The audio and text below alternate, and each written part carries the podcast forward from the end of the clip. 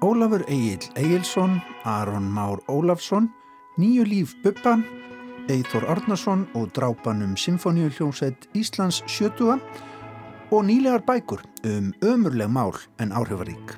Þetta allt í Víðsjá dagsins. Við velina hefur hún staðið síðan í gær, jafnvel þó tímininn drægi glukkatjöld sín frá skömmu áður en vindurinn sopnar uppi á hæðunum. Og svo framvegis og svo framvegis. Sögur Bubba Mortens eru sögur okkar allra sögur Íslands, en hver er hann í raun og veru og hver erum við? Borgarleikúsið frumsinnir á förstu dag leiksýninguna Nýju líf sem fjallar um æfi og höfundaverk Bubba Mortens. Þar er sannarlega af nógu að taka Nýju líf já að minnstakosti. Við heimsækjum borgarleikúsið í dag og ræðum við leikstjóran Ólaf Egil Egilson og Aron Má Ólafsson, einn af leikurum síningarinnar, sem slasa sig á hverri einustu æfingu það er við hæfi eða því sem næst, meira en um það í viðsjá í dag. Við sendum líka þjóðarhljómsettinni Sinfoníu hljómsett Íslands hveðju á sjötus ammælinu.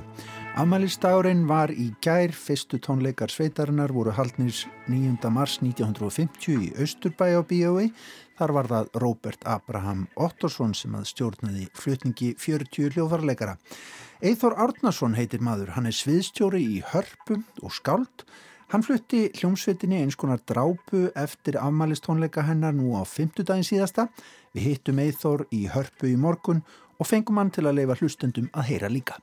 Já, meirum það í við sjá hér rétt á eftir og Björn Þór Viljámsson, hann ætlar að fjalla í dag um bækurnar Seaset eftir Jodie Cantor og Megan Toohey og Cats and Kill eftir Ronan Farrow.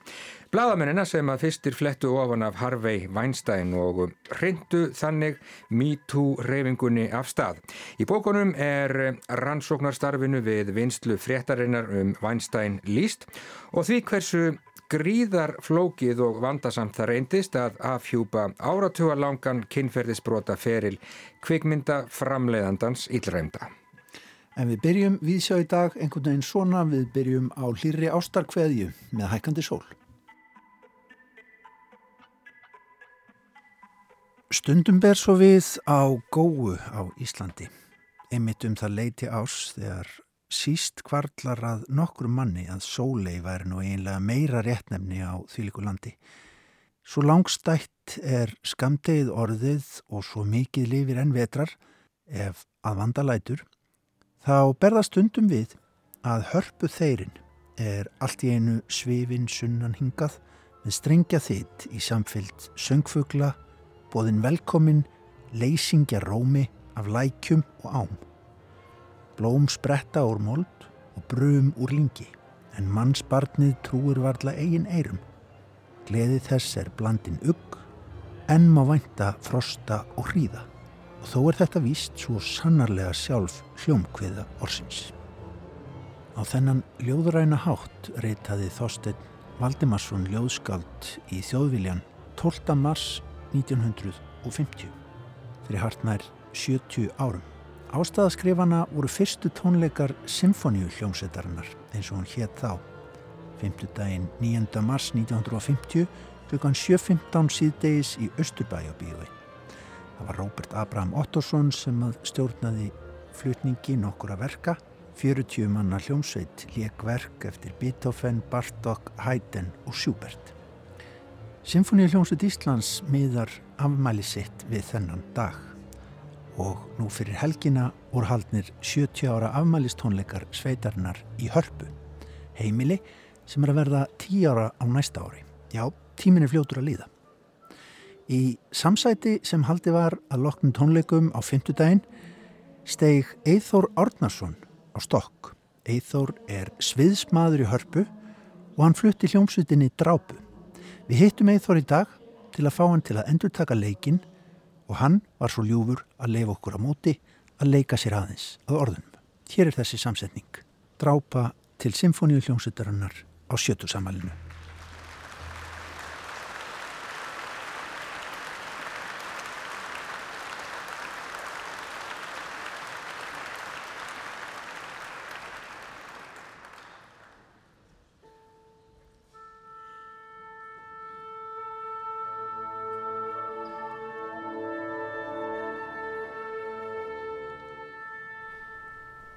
Það eru að verða nýju ár síðan ástarsamband okkar hófst.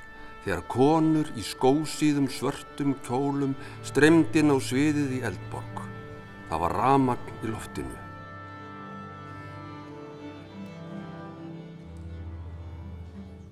En eitt fannst mér skrítið. Það var grár ringur neðst á öllum kjólunum. Það var sementstryk og nýja húsinu sem var ekki tilbúið. En með sement og sag á sveimi kveiktuði eldin og letu trekkin ekki á okkur fá.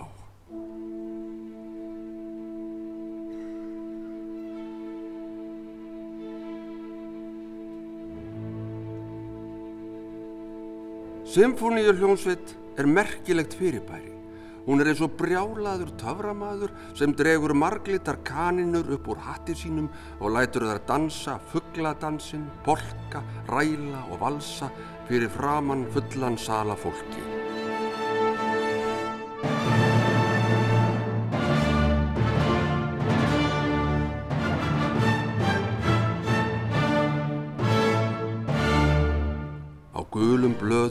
Skrifað með rúnaletri saman surrað galdraverk sem þið, elsku vinir, stöytið ykkur fram úr af óskiljanlegri þrautsegju með boksandi, hoppandi og prjónandi stjórnanda fyrir framann ykkur og útkoman er svo falleg og áhrifamikil að fólki likur við yfirliði og jafnvel grætur.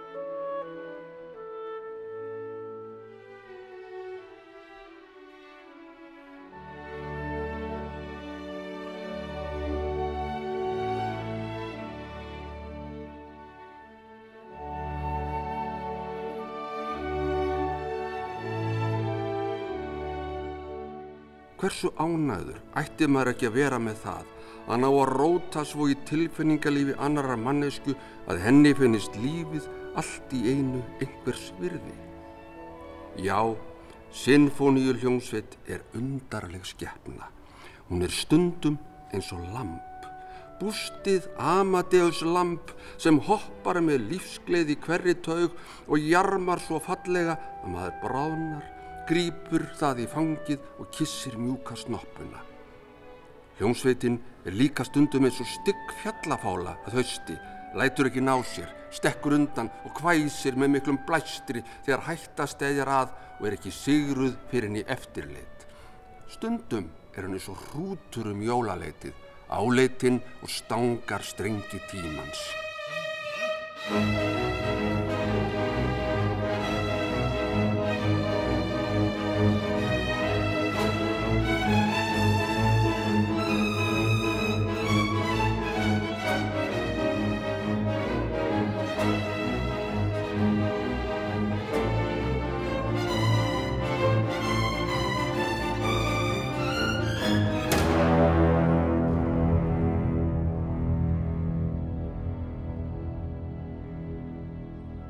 Stundum er hljómsveitin kýr sem liggur og jórtrar og ekkert fær haggað.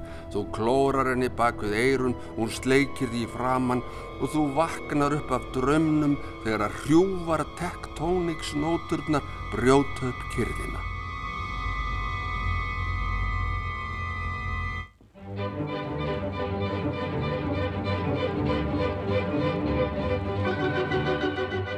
Nú hún er líka hestur sem á hundrað gangtegundir og þú veist aldrei við hverjir að búast af þessu slagverki og ef þú ætlar að ráða við þessu átilni er óvist um endalókin.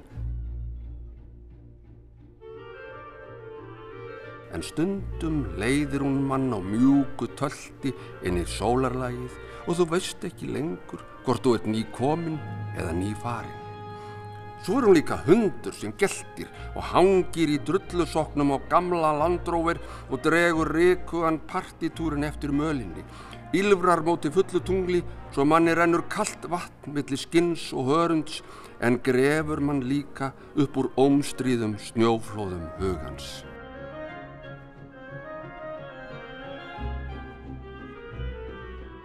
Það er nú komin tími til að spyrja hvað eiginlega vinnist við að hafa svo mörg og margbreytt hljóðfæri í einni hljómsveit en við þeirri spurningu eru fleiri en eitt svar og þeirri spurningu verður heldur með maður svara til fulls hér.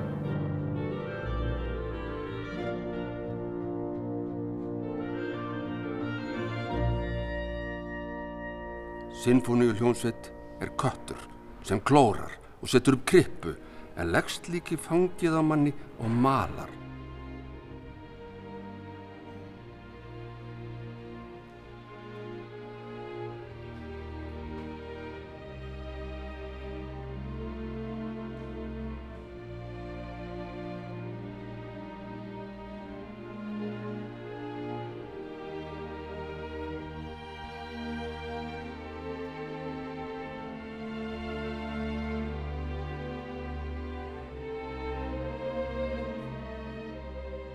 Ég geti staði hér í allt kvöld og malað en ég vil ósköku til hamingju með afmælið.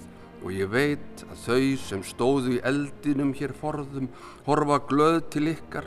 Hér eru við í húsi sem hæfir ykkur og haldið bara áfram að töfra dúraselkaninur með ódrepandi batteri upp úr hattinum og haldið áfram að negla rósröð decibelin inn í hjartað á okkur sem sitjum út í sál og upplifum galdurinn. Njóti þess að hafa salin á vald ykkar. Þið kindilberar takstrikanna, bussið físibelgin og hlúið að lífgröðsónum.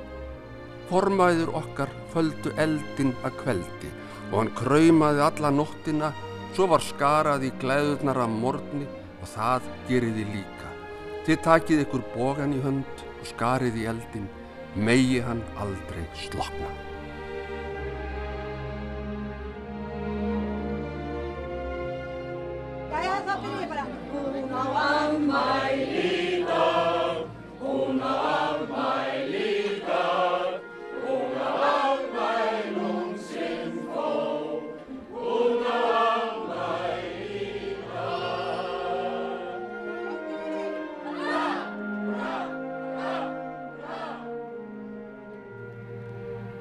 Blanda má með margvíslegum hætti, litum og á blæbreyðum hljóðfæranna verður ljóst að skilirði skapast til nærri óendanlegra fjölbreytni.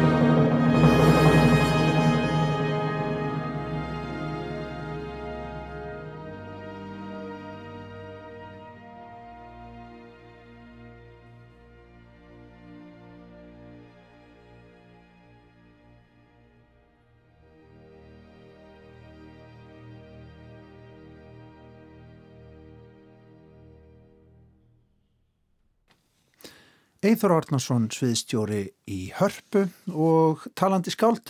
Hann flutti vinnum sínum í Sinfoníu hljómsut Íslands og ykkur hlustendu góðir drápu frá starfsfólki Hörpu til Sinfoníu hljómsdarinnar á sjötus ammali hennar sem að var jú formlega í gær. Drápan var sett saman fyrir glæðskap í tilöfni ammalisins á 50. kvöldið en við fengum eithor til að hitta okkur í hörpu fyrr í dag og flíti okkur í andiri þessa mikla hús úti við sundin blá þennan hveðskapsinn. Tónlistin var vitanlega flutt af hljómsveitinni sjálfri, kom úr ýmsum áttum en þarna síðast hljómaði Nimrod stefið hans Edvards Elgar. Og jú, Jón Þóranisson tónskáld hans skoð líka upp kolli úr sapni Ríkisótasins með erindi sitt um galdra slíkra hljómsveita frá árinu 1950. Já, hljómandi skemmtilegt og um, skemmtilegur og fýtt maður, Eithor Árnarsson. Alltaf jákvæður og res. Heldur betur. En e, þá að bókum á getur hlustendur við ætlum að vikja þessu næst að tveimur nýlegum bókum sem að eh, fjallaðum mál sem hafa mikið verið í umræðunni undanfarin misseri. Ekkert sérlega gleðileg en mikilvæg Björn Þór Viljámsson. Við vitum þetta. Höfum heyrt sögurnar og kannski er þetta allt bara orðið gott.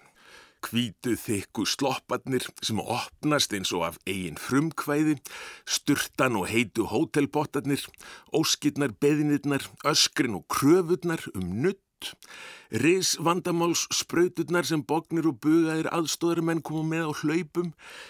Já, sóðabraskið í kringum Harfi Weinstein er orðið vel þekkt. Allt þetta ofbeldi, öll þessi lákúra, atbyrðarás sem er í senn sorgleg og hrollvekjandi. Það er að verða tvær vikur síðan Weinstein var sagveldur, fundin segur um tvær af þeim fimm kærum sem framvoru borðnar í dómsal í New York. Og þannig verðist málinu sem reyndist eitt mikilvægasti afhlvaki MeToo-hrefingarinnar ætla að ljúka.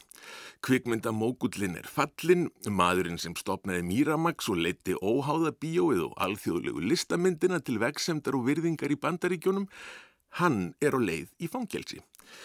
Dómurinn verið kveðin upp næstkomandi miðvöggudag og þótt óvíst sé hversu þungur hann verður er ljóst að það verður einhver staðar á bilinum frá 5 árum upp í 29.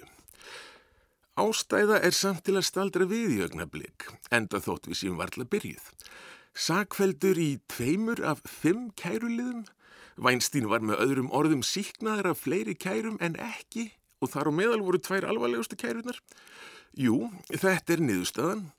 Brotin tvö sem hann var sakveldur fyrir hverfast bæðum samþykki, annars vegar er lítur að snertingu og hins vegar samræði. Nú mætti ímynda sér að saksóknarar og fornalömb væru heldur ósátt við málalók, svona á heldina litið.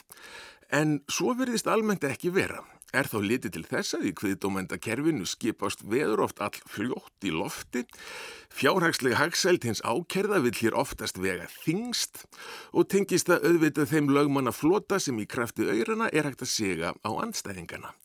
Það voru með öðrum orðum margir sem höfðu enga trú á því að Harfi yrði sagveldur.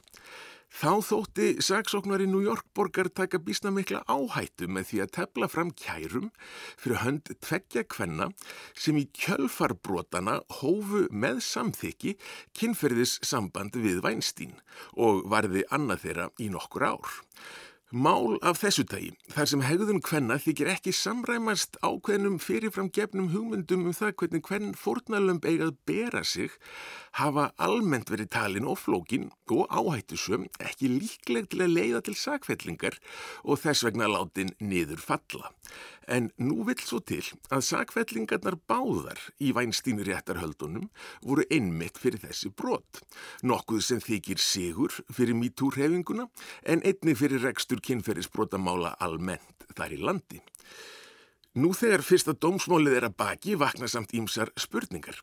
Hvernig komst Weinstein upp með gjörðir sínar? Hvernig komst hann upp með þetta allt? Já, blengi og hann gerði, áratugum saman. Það voru ríflega 8-10 konur sem að þessu sinni stegu fram með sögur af brotum Weinstein gegn sér og eitt af fórnalömbunum let þau orð falla í fjölmiðlum að Weinstein gæti vel verið, og hér er vitna beint, afkasta mesti nöðgari nútímans.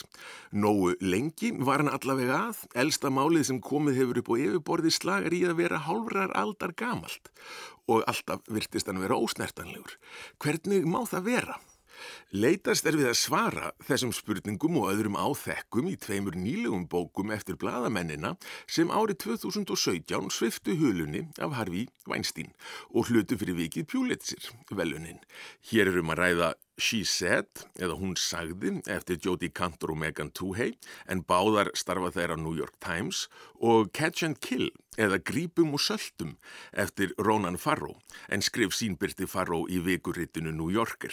Saman draga bækuna tvær upp mynd af allsægiskendi og kúandi valdakerfi sem Weinstein kom upp í kringum sjálfan sig, neti lögfræðinga, engarspæjara, málaliða, fjölmiðlakontakta, launaðara ráðgjafa og aðstóðarmanna sem höfðu það eitt að markmiði að vernda Weinstein, þakka niður óþægileg mál.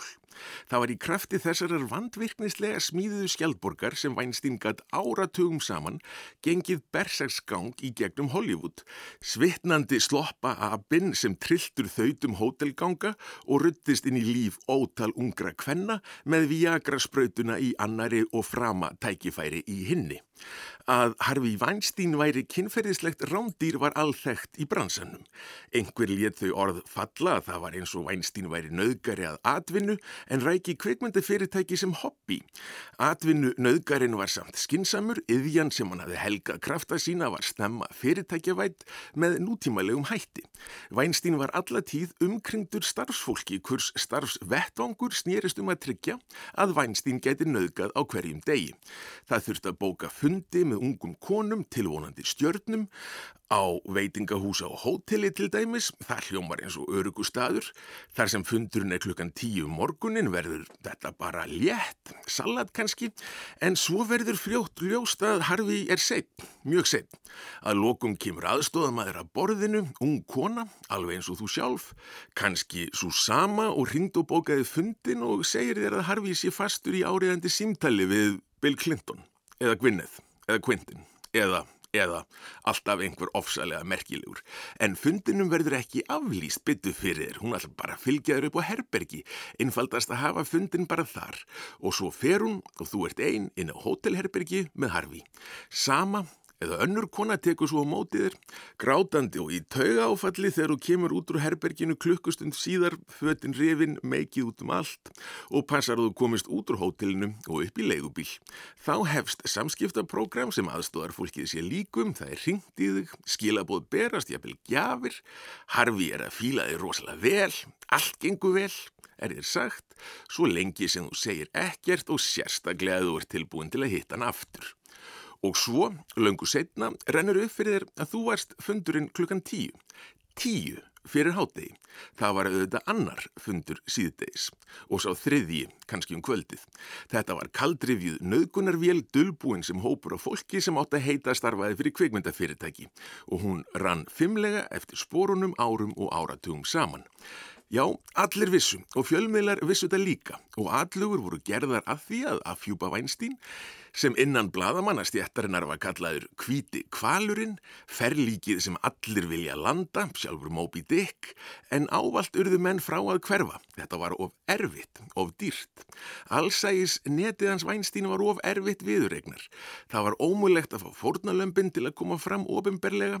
Fjölmiðlarnir sjálfur höfði ekki efna á að standa ströym af svona löngu verkefni samhliða því að engi sprettu faraldur í formi lögfræðinga hafi skindilega skollið á fyrirtækinu En það var í ársbyrjun 2017 sem Rónan Faró, þá sérstakur rannsóknarfréttaritari hjá NBC sjóanstöðinni, fær það verkefni að skoða sögufrægasta og sömulegis útataðasta sófan í Hollywood, framasófan eða The Casting Couch eins og hann er kallaður á ennsku. Sófin er hér líkingamál fyrir kynferðislegt hagkerfi þar sem ungar leikonur skipta á kynlífi fyrir hlutverki í kvikmyndum, nokkuð sem í Hollywood hafi viðgengist eiginlega alltaf. Var hálfpartin búið að normalísera. Og endur speiklaði með heldur kaldhömruðum hætti valda afstæðunar í drauma borginni. Tilefnið var að leikonan Rose McGowan hafði þá nýverið tvítað um að hafa verið nöðgað af ónemdum stúdíóforstjóra og Farró hefur samband við McGowan sem segjur honum vapningalöst að gerandin sé Weinstein. En hún er samt ekki tilbúin til að nafngreina hann ofinbellega. Í kjölfari tekur Farró að skoða fleiri mál og brátt liggur löng saga áþektra brota fyrir. Kantor og Túhei er á þessum sama tíma að vinnað hliðstæðir í rannsókn, einmitt líka að reyna að ná sambandi við Makkofan, en ólíkt faró geta þær ekki bara sleið á þráðin. Þegar hafti sambandi þekta leikara og stjörnur, útskýraðar í bókinni sinni, er vanin að fara í gegnum umbóðsmenn og kynningarfull trúa, nokkuð sem kom ekki til greina í þessu tilviki. En Faró átti ekki neinum vandræðum, enda þekktan Makkofan fyrir og í framrás sinnarbókar ringir hann líki Meryl Streep og næra af henni tali meðan hún er elda kvöldmatt. Hann er reyndar hansi oft í símanum að spjalla við þessa stjörnuna eða hina. En það er auðvitað mikilvægt, þetta er veröldin hans Weinstein, fórnalömpinu voru öll í Sporbug Hollywood og kemur þá að því að minnast verður á bakgrunn þessa unga manns. Ronan Farrow er sonur Míu Farrow og Woody Allen. Hann ólst upp í miðri ringiðu Hollywood En ólíkt sumum öðrum lagði stjörnum prýta skeiðin sem hann fættist með ekki metnað hans og skapgerð að velli heldur virðist fara á hálgjert undraparn. Útskrifaðist 15 ára með sitt fyrsta háskólapróf 21 sem lögfræðingur frá Yale, fekk stöðu í Utaríkistjónustunni og starfaði með Richard Holbrooke í Afganistan og Pakistan áður en hann var sérstakur ráðgjafi Hillary Clinton meðan hún gengdi stöðu utanríkisráðherra. Árið 2012 hóf hann doktorsnámið Oxford og hafði þá í hjáverkum sendt frá sér bókum hnignun milliríkja samskipta í nútímanum og haldið út í daglegum sjónvarstætti á NBC. Pjúlitser velunin hlautan sama ár og hann lög svo doktorsnáminu. En þarna má jafnframt greina helsta munin á bókunum tveimur, She Said og Catch and Kill. Síðan nefnda bókin eftir fara og skautar léttar yfir, nýti sér frásagnar byggingu spennutrillisins, meðan New York Times bladakonurnar skrifa örlítið hefbundari bók, kannski aðeins þurrari. Fyrir utan það að eiga langan og sérstaklega farsælan ferilað baki og hafa verið meðal færustu bladamanna New York Times um ára bil, njóta Kantor og Túhei góðs af því að hafa stærsta dagblad og eitt stærsta fjölmjöld fjölmiðil í heimi á bakvið sig sem felur í sér að fjöldi réttstjóra helgar sig þeim meðan á skrifunum stendur. Þær hafa her af aðstóðarmönnum geta unnið lungan af ári af þessari einu grein sem reynist vera 3300 orð þegar hún byrtist og ferðast um víða veröld. Þetta er luxus sem fæstu fjölmeila fólki býðst en þetta er jafnframt forsenda þess að frétta mennska á þessu kaliberi sé unnin. En það er ekki síst svo staðrind að bækurnar eru mjög ólíkar sem gerir þær aðjafn aðlaðandi lestfennu og raunber vitni. Og hvað með Harfi Weinstein og hans karlægu og siðblindu veröld? Er það ekki sigur fyrir réttlætis hugssjónir af ymsu tægi að hann sína er óhjákvæmilega á leiði fangilsi? Jú, vissulega, en hann á bakvið rimla er ekki kerfisbreyting valda afstæðunar sem sett hann í stöðuna sem hann var íga hvert öllum þessum konum hafi ekki breyst. Sætið sem losnaði við fall hans var auðvitað fyllt af öðrum karlmanni um leið, öðruvísi karlmanni vonandi, aðeins minna skrimsli. En hlutirnir breytast aldrei á einni nóttu. Það segir fólk stundum. En viðkvæðið ætti náttúrulega heldur að vera hlutinni breytist sjálfnast á áratug og oftast takiða aldar fjörðunga eða tvo. En hlutinir breytast að lokum og það er í krafti svona viðburða. Að glamúr gríman hafi verið rifin af Harfi Weinstein, heimsbyggðin verði nú vitnað falli hans, það er sannarlega stórsögulegur viðburður. Já, stór sögulegur viðburður, sagði Björn Þór Viljámsson þóttu Já, valda afstæðunar sem að settu Harvey Weinstein í þá stöðu sem hann sannarlega hafði kakvart öllum þessum konum hafi. Ekki breyst, Björn Þór Viljámsson hann fjallaði þarna um tvær nýlegar bækur síðsett eftir Jodie Cantor og Megan Toohey og Cats and Kill eftir Ronan Farrow. En þá ágættu hlustendur hvað sem ég gerði það var aldrei nóg og gott. Ef búrið er opnað flýgur fugglin á brott við förum í leikús.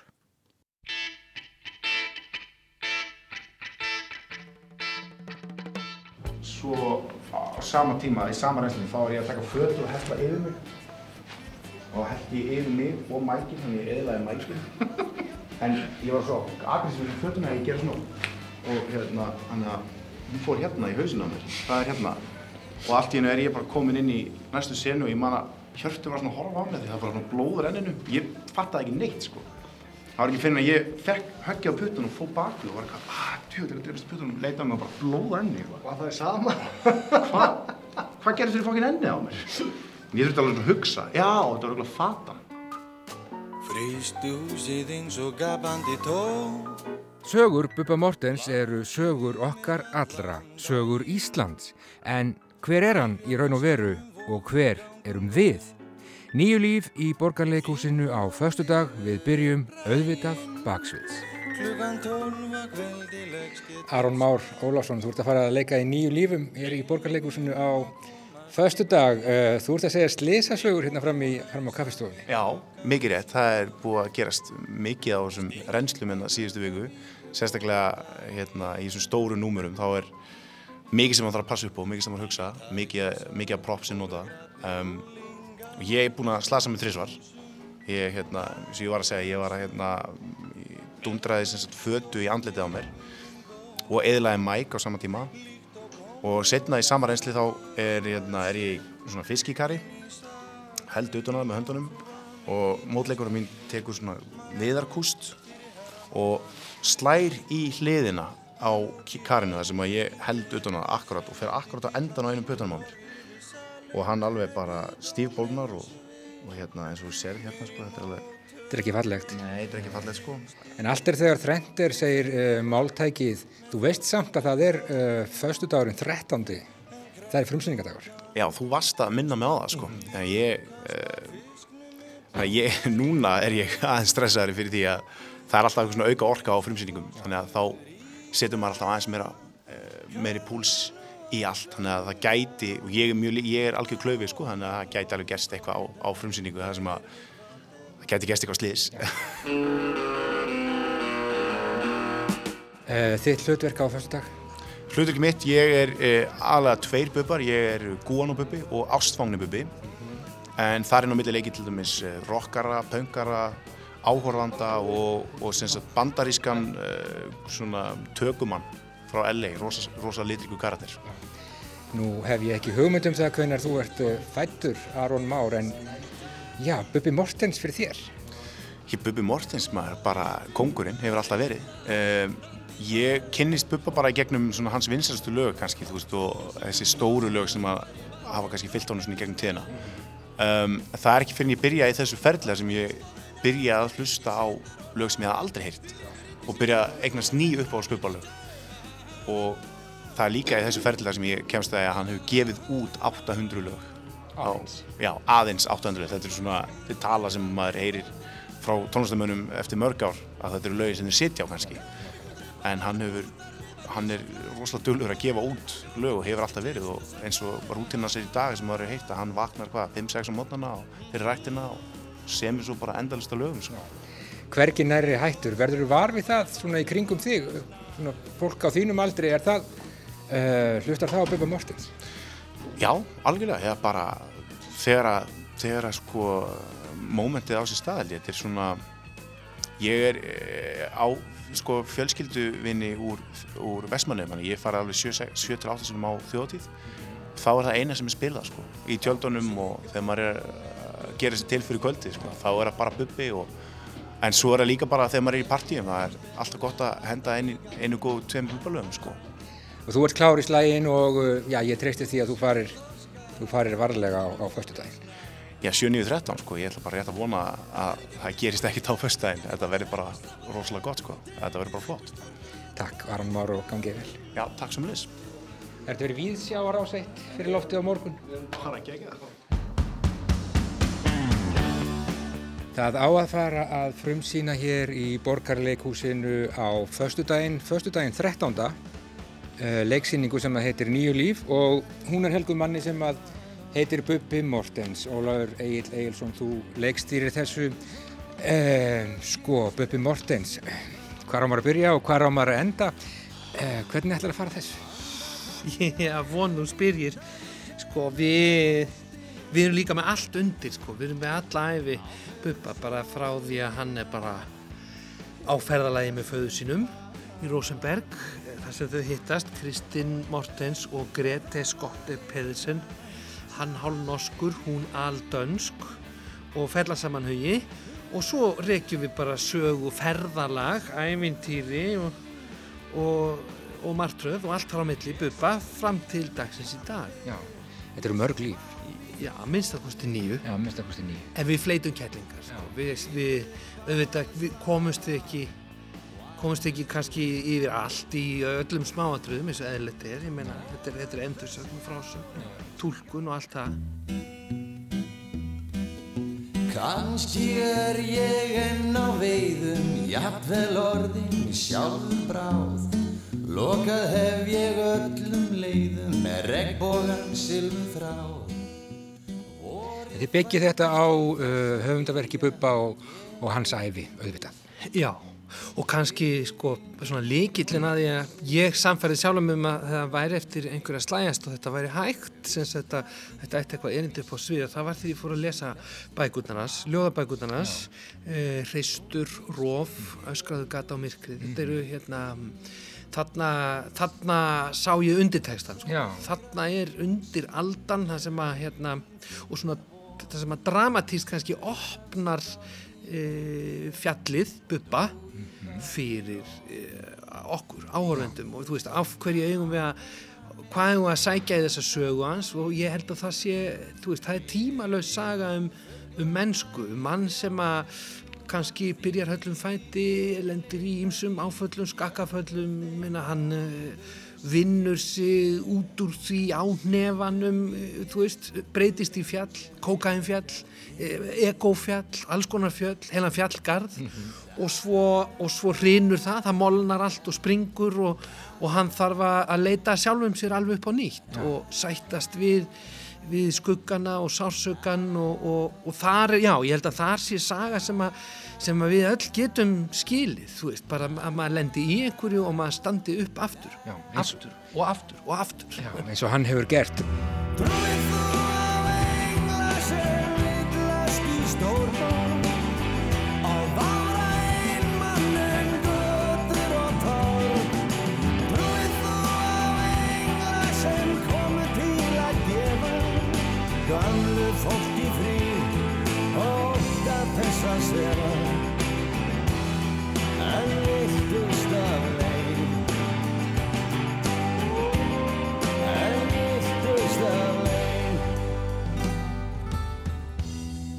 Já, þú segir að þessar ljóðabækur sem hafa nú bara komið út á allra síðustu árum að þær hafi, já, sínt þér Bubba í, í nýju ljósi en talandi um fjöll, sko, Bubbi hann er náttúrulega bara eins og, hann er bara eins og esjan, hún er þarna alltaf, maður er kannski ekki alltaf að horfa á hana en hún er þarna og hún er, hún er síbreytileg og uh, við finnum fyrir henni. Já, já, og við finnum fyrir, við finnum fyrir Bubba.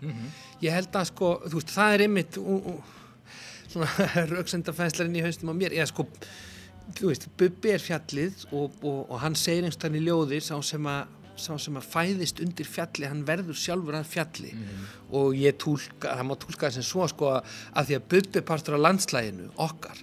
Og, og landslægið mótar okkur eins og allt umhverfi okkar hefur áhrif á okkur. Og að hafa Bubba alltaf sem þennan fasta í samfélaginu frá 78 eh, þegar hann kemur fram er held ég, hefur þau áhrif á okkur að við erum öll að ákveðnu leiti fjallið, við erum öll Bubbi og Bubbi hann speiklar okkur og hann er við. Já. við erum Bubbi og Bubbi er við. Eina nótt í viðbót opnaðu gluggan Leiftu stjörnunum inn. En þið segið á vef borgarleikusins að, að sögur Bubba séu með einhverjum hætti líka okkar sögur en það, það er nú samt bara eitt Bubbi, er það ekki? Eða hvað? Já, jú, því minna það er eitt Bubbi en, en, en hann er, hefur verið margfaldur í róðinu í gegnum tíma, tíðina hann, hann, veist, hann fyrir þessi hann, hann, hann er reglulega hamskipti og á einhvern hátt sko af því kannski líka hvað hann er döglegur við að tjá sig og hefur aldrei leið á skoðunum sínum og einhvern veginn hérna, og, og, og það var náttúrulega bara ein samfeld gúrkutíð bara á Íslandi yfir höfuð frá 79 og bara langt fram inn á nýjunda áratugin að þá sko leituðu fjölmiðlar í hann. Það eru stundum tvö og þrjú ég, men, ég, fann eitthvað dagblað upp á þjóðbóklöðu þar sem eru held ég þrjú viðtöl við Bubba. Og svo er þú veist eitthvað svona verið að spyrja skoðun eitthvað og þá er verið að spyrja þú veist hvað finnst þér um hérna pláuna eða eitthvað, eitthvað plötu sem hann var nýbúin að gefa þannig að hann bara, hann, var, hann laði allt blæði undir sig. En, en svo ég haldi þræði, hann sko hann er svo duglegur að tjá sig um alla mögulega hluti og sína eigin upplifun af af heiminum og, og, og umhverfinu og íslensku samfélagi. Og þá kannski hefur hann oft lent einhvern veginn í því að vera sporgöngumæður í alls konar breytingum. Hann er til dæmis sko hann, hann, hann spila með rauðsokkum reglulega, hann er mikill feministi hann á, á kærustu um tímabil sem er, er mikil rauðsokka og hann, hann fer inn í það allt og hann fer að tala fyrir jöfnuði og jafnréttindum. Bara áður en að svo alltaf er komin í fullan skriðhunga og hann hérna hann er líka í sko, réttindi samkynneira strákarnir á borginni e, þú veist, hann, hann Kvalirnir. kvalirnir maður er nöðsynlegt og allt það og, og, og, og auðvitað bara stjættabaráttan og, og hérna talið um kvótan sem er að sem er að ræna landsbyðina eh, viðværinu og, og, og lífinu og þú veist þannig að hann í krafti þess er hann oft svona eins og eh, þú veist hittamælir þjóðarinnar eða loftvógin eða hvað við viljum kalla hann sko. Ekkert svar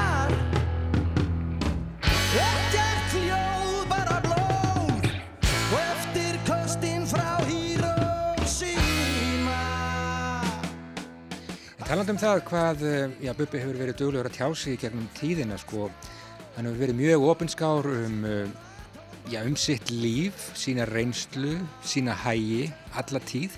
Er eitthvað sem að þið getið sagt okkur um Bubba Mortens sem við vitum ekki?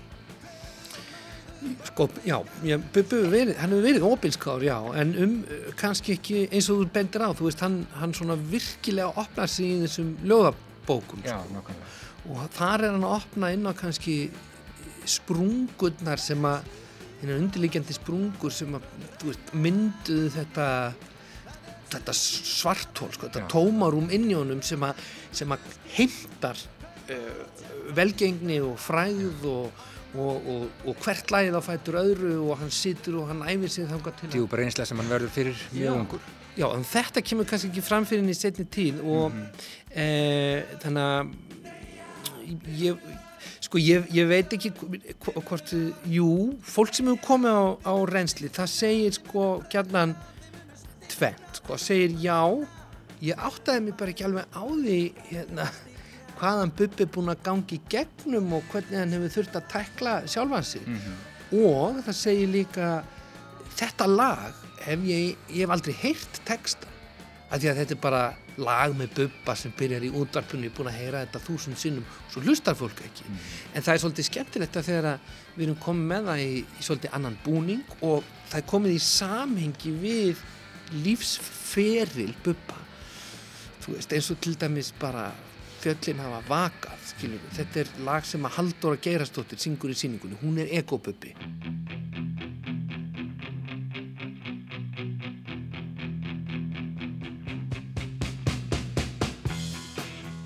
og, og, og við vorum einhvern veginn að vorum með á ákvöndustaf, vorum að pæli hvað, hvað, hvað, hvað merkir þetta lag? Hvað þýðir þessi texti eiginlega?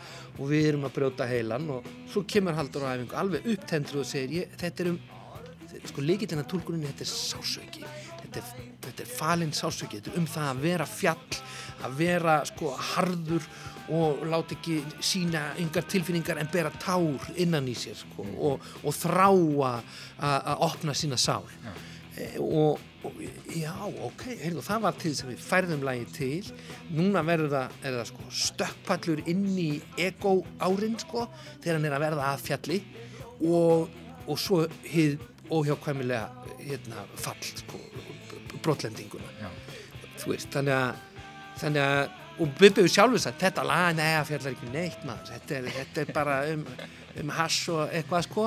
En nei, þannig er undir meðundundans að tala og, og það, kannski það, þetta samhengi tónlistarinnar og, og, og lagana og þess sem Bubbi er kannski, já, hans, hans líf hvað, hvað er dangið gegnum, hverju sinni sem að kannski, já, kannski nýtt ljós á það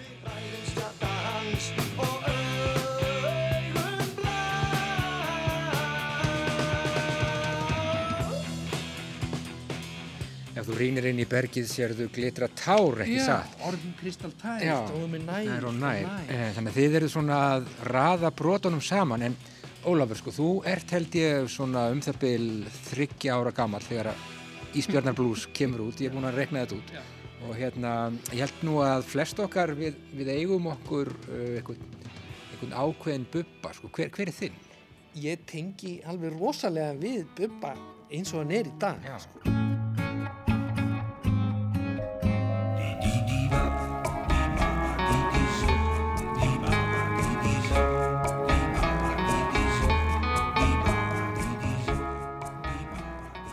Ég tengi við svona uppristna menn og, og svona afturbata píkur og allt það sko. Ég, e, að bara- Gangandi kraftaverk, segir þú einhverstað. Já, gangandi kraftaverk, já, einmitt.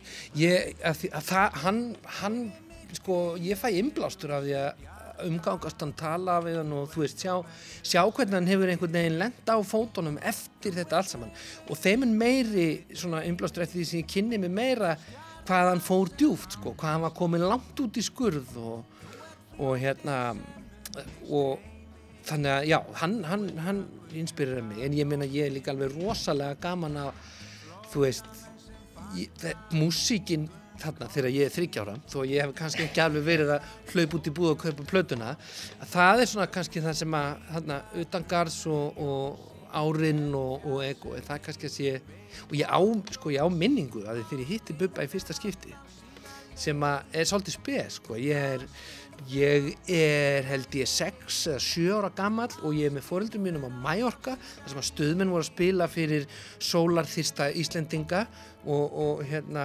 bjórþyrsta og, og allt það alltaf engin bjór.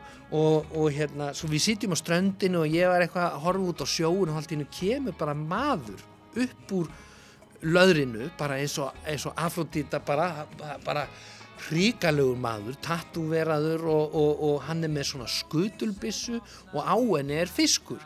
Og ég staraði hann að mann bara einhvern veginn og, og í tíbranni hérna hitanum á ströndinni og hann tekur stefnuna á mig og hann nálgast og nálgast og allt í hennu bara gnæfir hann yfir mig og allir það rennur af honum sjórin og, hann, hann fyrir að tala við mömmu og pappa þekkið þau og, og ég bara mæn upp á hann og ég horfa á fiskin og skutlinum og hennar mann og svo er hann farinn. Og þá snýðum mér að mömmu og pappa og segja hvaða útlendingur var þetta eiginlega? Þegar hann talaði svo rætt var svo, svo, svo mikið niðri fyrir og það var að segja frá einhverju og hvað, hvað hann var að gera og eitthvað ég skildi ekki orð. En hérna, ég gleyma aldrei þetta var svona alveg sín sko. þannig að Sábubbi, hann er líka uppáldi hjá mér. Já,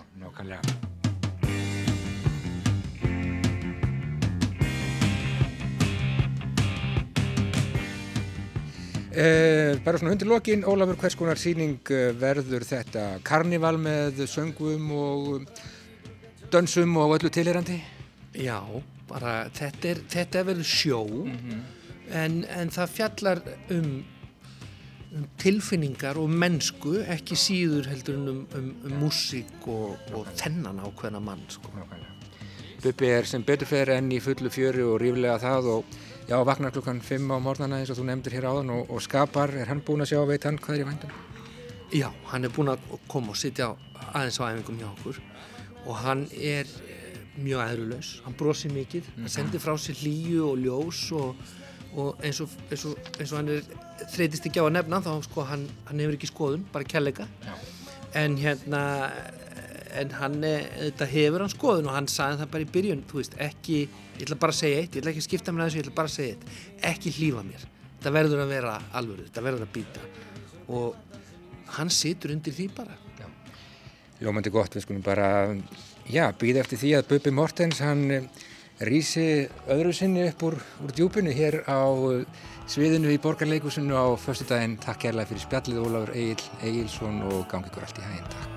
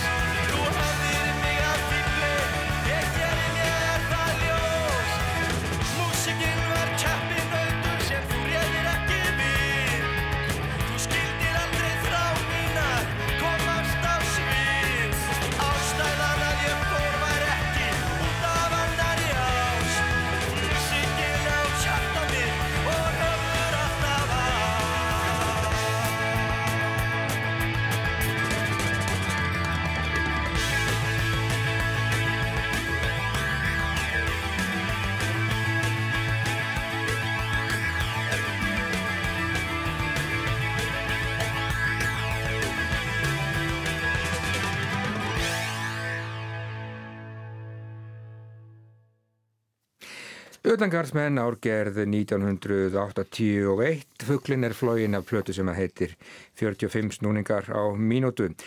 Nýju líf frumsynning í borgarleikúsinu á förstu dag, förstu daginn 13. mars á því herrans ári 2020. Sýning sem að fjallar ekki bara um tónlist og höfundaverk Bubba Mortens sem að væri í sjálfu sér auðvitað ærin áskorun, heldur líka og ekki síður um tilfinningar og mennsku, sagði. Leikstjórin Ólafur Egil Egilson saga Bubba, tímalauðs saga um mennsku, sagði Ólafur. Og já, sannarlega nóg af tilfinningum og mennsku þar sem að Bubbi Mortens er annars vegar. Við brúðum okkur út í borgarleikús í gær og rættum við þá Ólaf Egil og Aron Má Ólafsson leikara, einn af mörgum leikurum sem ætla að bregða sér í gerfi Bubba Mortens í leikaritinu Nýju líf sem að já, borgarleikúsið frumsinnir nú á fastu dag. Já, það þarf náttúrulega heilan hópleikara til þess að setja saman eitt bubba. Já, ég veit satt að segja ekki hvað eru margir en þeir eru nokkuð margir og ungir drengir sem að leika bubba lítinn og svo bara halda minn áfram alveg held ég fram á, fram á þennan dag. Já, Já. alls konar bubbar, við erum öll bubbi. Já, nóg að taka, heldur betur.